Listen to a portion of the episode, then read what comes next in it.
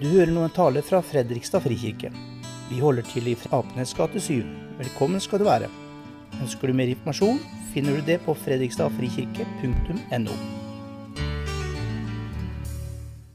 Det handler om evangeliet. Og jeg tenker på at i året 1552, som sikkert mange av oss tenker på, er, da var det en teologisk diskusjon. Og Det var noen år etter at Martin Luther var død. Og Det oppsto det som man kaller den majoristiske striden. Det var Hans Major, en, en teolog, som hadde framsatt den uh, meningen at de gode gjerninger var nødvendige for frelsen. På at, uh, ikke på den måten at man måtte gjøre dem for å bli frelst, men hvis man var frelst, hvis man hadde fått Guds nåde, så var de gode gjerningene nødvendige for å beholde denne nåden, denne plassen. Og da var det en som het Nicolas von Amstorff, reagerte kraftig og mente at de gode gjerningene er skadelige for frelsen. Fordi uh, Han mente at hvis vi begynte å blande gjerningene våre inn i dette, så ville vi rote oss bort, og ville rote oss bort fra hele frelsen.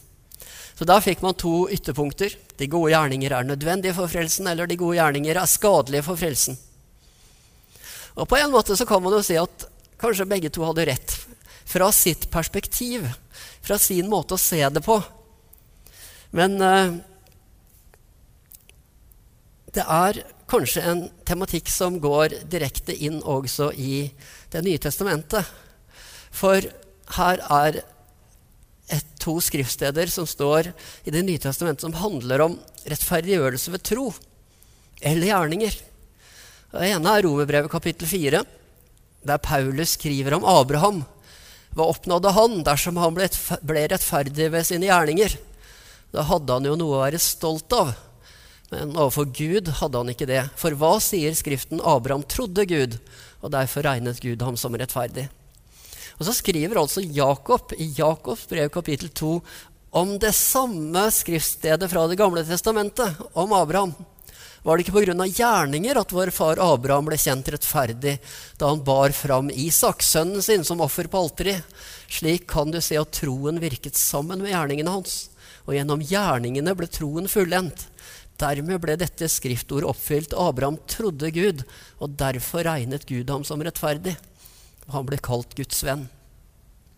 Så Abraham trodde Gud, og derfor regnet Gud ham som rettferdig. Og Så skriver Paulus at det betyr én ting, og så skriver Jakob at det betyr noe helt annet. Hvem er det som har rett? Og kanskje er det også sånn at en eller annen kan si at her ser dere et eksempel på hvordan Bibelen er, at den motsier seg selv.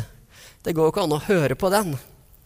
Men jeg tror egentlig det er noe av det samme som skjer her som i denne majoristiske striden. Nemlig det spørs hvor man ser det fra, hvilket perspektiv man har, og hva man egentlig snakker om. For Paulus og Jakob snakker om to helt forskjellige ting. Paulus han skriver i romerbrevet om alle disse lovgjerningene som vi prøver å gjøre, eller som ulike mennesker prøver å gjøre for å tilfredsstille Gud, for å oppnå frelse, for å oppnå rettferdighet. Og Paulus skriver at det går ikke. Det er, en, det er en vei man ikke kommer fram på. For det er bare ved troen at man får del i Guds rettferdighet. Paulus skriver om lovgjerninger. Han skriver om sånne ting som omskjærelsen.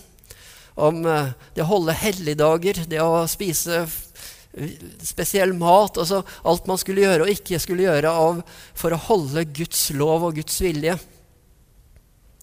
Jakob han skriver fra et helt annet perspektiv. Han skriver om hvordan det er i en menighet. Han sier hvordan er det blant dere hvis det kommer en fattig inn blant dere?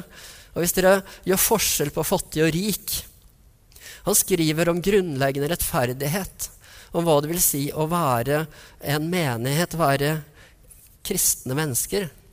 Og der skriver han om at det er gjerningene, hva vi faktisk gjør, som viser at vi tror. Det går ikke an å si at 'jeg tror', og samtidig gjøre forskjell på folk, sier Jakob. Og begge to har rett. Begge to har rett. Det gjelder bare hvor vi ser det fra. Jakob han minner om denne historien som eh, anekdoten som går om at denne eh, svarte amerikaneren i sørstatene i tidligere tider som skulle gå i kirken på søndag. Og så viste det at det var en kirke bare for hvite, så når han kom inn, så ble han kasta ut igjen. Han følte seg jo ganske ille til mote der han satt utafor, og da var det at uh, Gud sa til han ikke ta det så tungt. Jeg har prøvd å komme inn i den kirken i 20 år, og jeg har ikke klart det ennå. Og Det sier også noe om dette med at altså, det går ikke an å være i kirke og gjøre forskjell på folk. Eh, da, da, fornekter man troen. Det går ikke an å si at 'jeg har tro hvis jeg ikke har gjerninger', sier Jakob. Og Jakob har rett i det. Men altså Den ene siden er dette å komme til Gud og tenke at hva må jeg gjøre for at Gud skal være fornøyd med meg? Hva krever Gud for at jeg skal få frelsen? Og så sliter mange seg ut på hele tiden å ha dårlig samvittighet og ikke leve opp til kravene man føler man skal leve opp til for at Gud skal godta meg. Og hvis det er sånn, så blir jo de gode gjerningene til skade for frelsen. For de driver deg egentlig bort fra Jesus. De får deg til å stole på det du sjøl gjør, og tenke på det du sjøl skal gjøre for å oppnå Guds nåde. Og da blir det bare til skade. Men like sant er det jo at tro handler ikke om en mening som man har i hodet, men det handler om et liv. Det handler om noe vi har fått. Det handler om en nyskapelse av livet vårt. Tro sitter ikke bare i hodet som en eller annen slags uh, uh, mening jeg har om Gud. At det er nærmest som en spørreundersøkelse der man går rundt og krysser av om folk tror på Gud eller ikke. Og hvis du krysser av på 'jeg tror på Gud', så er det liksom, da er det rett opp. Da er det alt i orden. Tro handler ikke om det å ha en mening om Gud. Tro handler om noe som vi har i hele kroppen vår. Tro er ikke som et uh, pass vi har et eller annet sted nederst i ryggsekken. Så når du kommer til grensa, så og skal slippe gjennom, så skal du vise fram passet. Og du sier 'jeg har det jo her et eller annet sted', og så begynner du å lete nedi ryggsekken din, og til slutt så finner du passet, og så sier du 'jeg har det jo med meg, jeg kommer inn'. Tro er ikke en ting man har et eller annet sted i bagasjen sin. Tro er det livet man har. Og dagens tekst sier altså at eh, det du gjorde mot en av disse mine minste søsken, har du gjort mot meg. Og da tolker jeg det sånn at når Jesus snakker om sine minste søsken, så er det i solidaritet med alle verdens små mennesker. Alle som lider, alle som har det vondt, alle som har det vanskelig. Alle de vi møter, du møter og jeg møter, som trenger oss. At det å være en troende, det er å få et nytt blikk på livet. Det er å se med Jesu øyne det som er rundt oss. Det å se andre mennesker med Jesu øyne og se Jesus i våre medmennesker. Se Jesus i den gamle som er ensom og syk. Se Jesus i tiggeren som sitter der når vi haster forbi på gata. Se Jesus i ungdommen som føler seg utafor og ikke klarer å finne fotfeste i livet sitt. Se Jesus i mennesker som sliter og har det verre enn oss selv. Se Jesus i den som er sulten, i den som er tørst, i den som er fremmed, og tenke hvordan skal jeg ta imot Jesus? Hvordan tar jeg imot Jesus? Og behandle ethvert menneske med like stor ærbødighet som vi har for Jesus selv. Og der Jesus egentlig sier at det å gjøre ingenting er egentlig uholdbart. Vi sier jo gjerne at den som sover, synder ikke. Men i Jesu eh, ord her så er det motsatt. Vi kan sove, og dermed synder vi ved å ikke gjøre det gode. For det å synde er ikke å la være å gjøre en haug ting. Det er mange som tenker sånn at å være kristen det er å avstå fra alle ting som er fristelser eller sånn. Men å være kristen og være en troende er aktivt å gå ut og forandre verden. Det er ikke å sitte i sin egen boble. Den som vet hva godt han kan gjøre og ikke gjør det, han synder, står det i Bibelen. I disse dette, denne høsten så har vi begynt å gå gjennom Johannes' åpenbaring en mandag formiddag i måneden her i kirken. Og vi har foreløpig bare kommet til sendebrevene. De sju brevene som ble sendt fra øya Patmos til sju menigheter på fastlandet. Og disse sju menighetene de får alle en beskrivelse av hvem de er. Og til hver av dem så står det 'Jeg vet om dine gjerninger'. Og så er det en, en, vurdering av hvordan disse menighetene kommer ut når det gjelder hva de faktisk gjør. Ikke hva de sier de tror på, men hva de faktisk gjør. Jeg vet om gjerningene dine. Og vi hørte lest fra Johannes' åpenbaring, kapittel 20, der bøkene ble åpnet, og enhver skal dømmes etter sine gjerninger, sto det. Altså, hvis vi leser Bibelen i det hele tatt fra starten til slutten, så handler det så mye om handlinger, hva vi gjør. Tenk deg Det gamle testamentet profetene, som står fram og anklager folk. Og de står fram når folk kommer til tempelet, f.eks. For, eksempel. for problemet er ikke at folk ikke går i tempelet, at de ikke utfører offerhandlingene sine.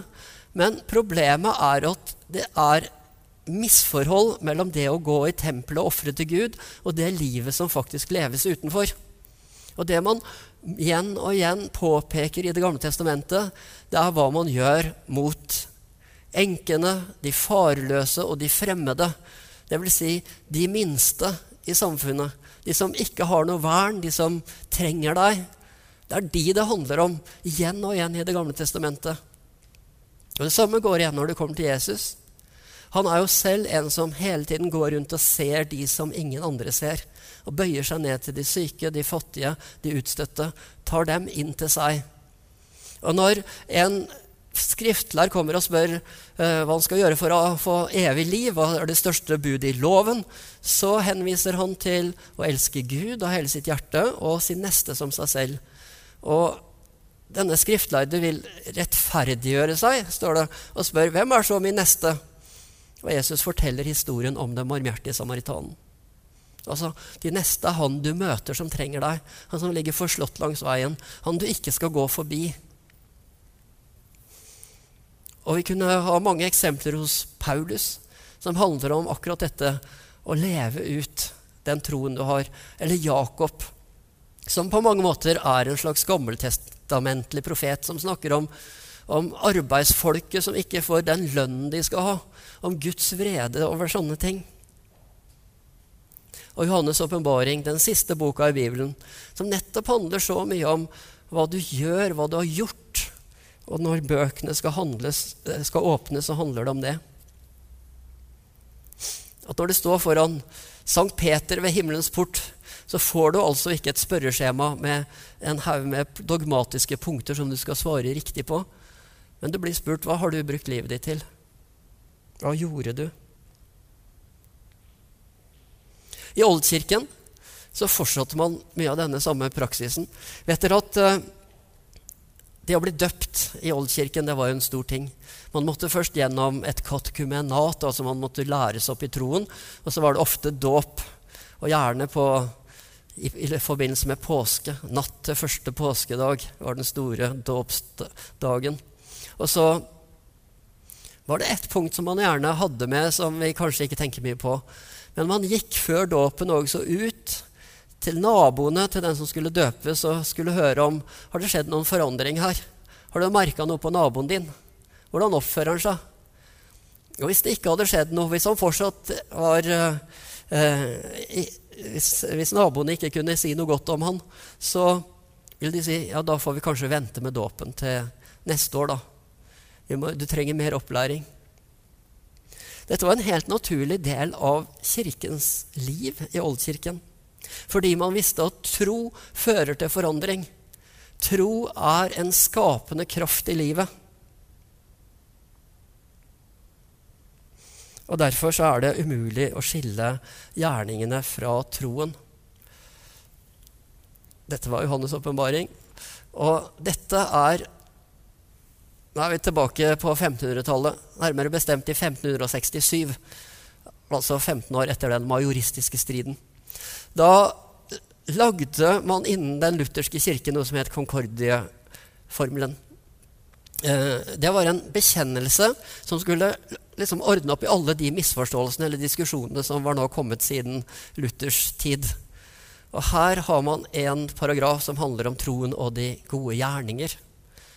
Og Der skrev man også at det er umulig å skille gjerningene fra troen. Ja, likeså umulig som varme og lys kan skilles fra ilden.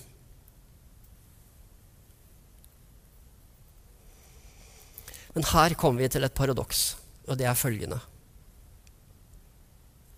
Oftest så er det folk, så er det gode mennesker, som får anfektelser når man snakker om disse tingene. Og så Hvis du føler at dette liksom ramler og tenker 'å nei, å nei', så kan det hende at det er helt reelt. Fordi at vi, vi, vi må noen gang ta et oppgjør med ting i livet vårt. Hvem vi lever for, hva vi gjør ut av det. Men som ofte så er det fordi at du faktisk er et menneske som er berørt av disse tingene, at, du også, at det også får deg til å tenke deg om. For dårlig samvittighet. Se svakheten. Som oftest er det de gode menneskene som får dårlig samvittighet. Mens de likegyldige, de fortsetter som før. Og Derfor er det viktig også det vi fikk eh, høre fra profeten Jesaja i dag om hvor Gud er. Gud er også hos de nedbøyde i ånden, står det. De som er knust. Um, derfor er det også sånn at vi alltid drives til nåden, sånn som Johannes sang om før prekenen her. For vi ser at vi kan ikke stole på de gode gjerningene. Når vi prøver vårt eget liv, så vil vi alltid tenke at uh, nei, det er alltid mer. Det er alltid mer jeg skulle gjort. Jeg kommer alltid til kort. Vi kan ikke stole på de gode gjerningene. Den eneste vi kan stole på, er Jesus. Og kanskje er det først da vi kan gjøre det gode.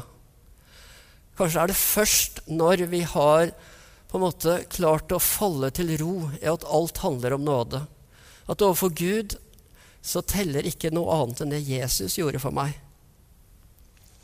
At jeg slipper å bruke energien min på å tilfredsstille Gud eller å få Gud til å være fornøyd. Det er først når jeg slutter å prøve å gjøre ting for å tilfredsstille Gud eller å tilfredsstille meg selv, at jeg egentlig kan være god. For det er først da jeg kan se mine medmennesker. Det er ingenting som nesten er verre når man gjør gode gjerninger av dårlig samvittighet.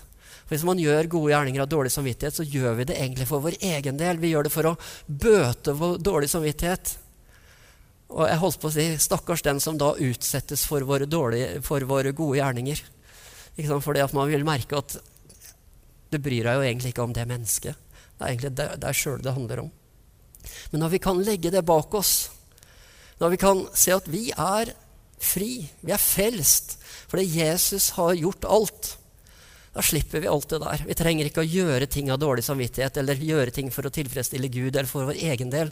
Vi kan faktisk se våre medmennesker og se Jesus i våre medmennesker. Og dermed gjøre Guds gode vilje. Og så kan vi jo tenke på det også helt konkret. Når ser jeg en sulten? Når ser jeg en tørst? Når ser jeg en fremmed? Når ser jeg en syk? Når ser jeg en uh, som er i fengsel? Når ser jeg en som trenger mitt nærvær, mine gode gjerninger? Når kan jeg gjøre Jesu gjerninger i verden? Da skal vi synge sammen, om, uh, som er en bønn om at Gud skal hjelpe oss å se det.